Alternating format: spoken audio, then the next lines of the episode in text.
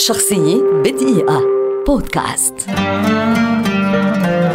آرام خاتشاتوريان مؤلف موسيقي أرمني سوفيتي كبير ولد عام 1903 في تفليس الذي تعرف اليوم باسم تبليسي عاصمة جورجيا ويعد واحدا من أبرز موسيقي عصره وكان لأعماله تأثير كبير على الموسيقى التراثية الأرمنية.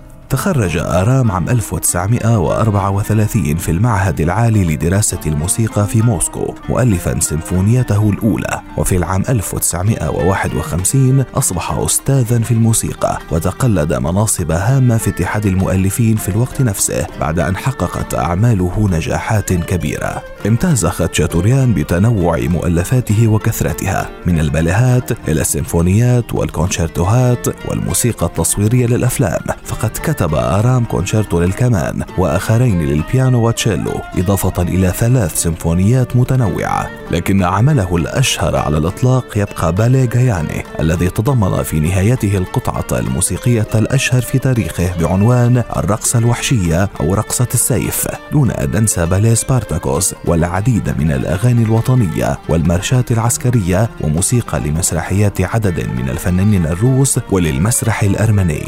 اهتم خاتشاتوريان أيضا بموسيقى الأطفال وألف العديد من الكتب ذات المقطوعات التعليمية القصيرة كما استخدمت موسيقاه في العديد من الأعمال التلفزيونية والسينمائية القديمة والحديثة. أبرزها على الإطلاق تحفة ستانلي كيوبريك السينمائية 2001 A Space Odyssey عام 1978 رحل آرام خاتشاتوريان عن عمر 75 عاما تاركا إرثا موسيقيا عظيما لا يمكن تجاهله. شخصية بدقيقة بودكاست.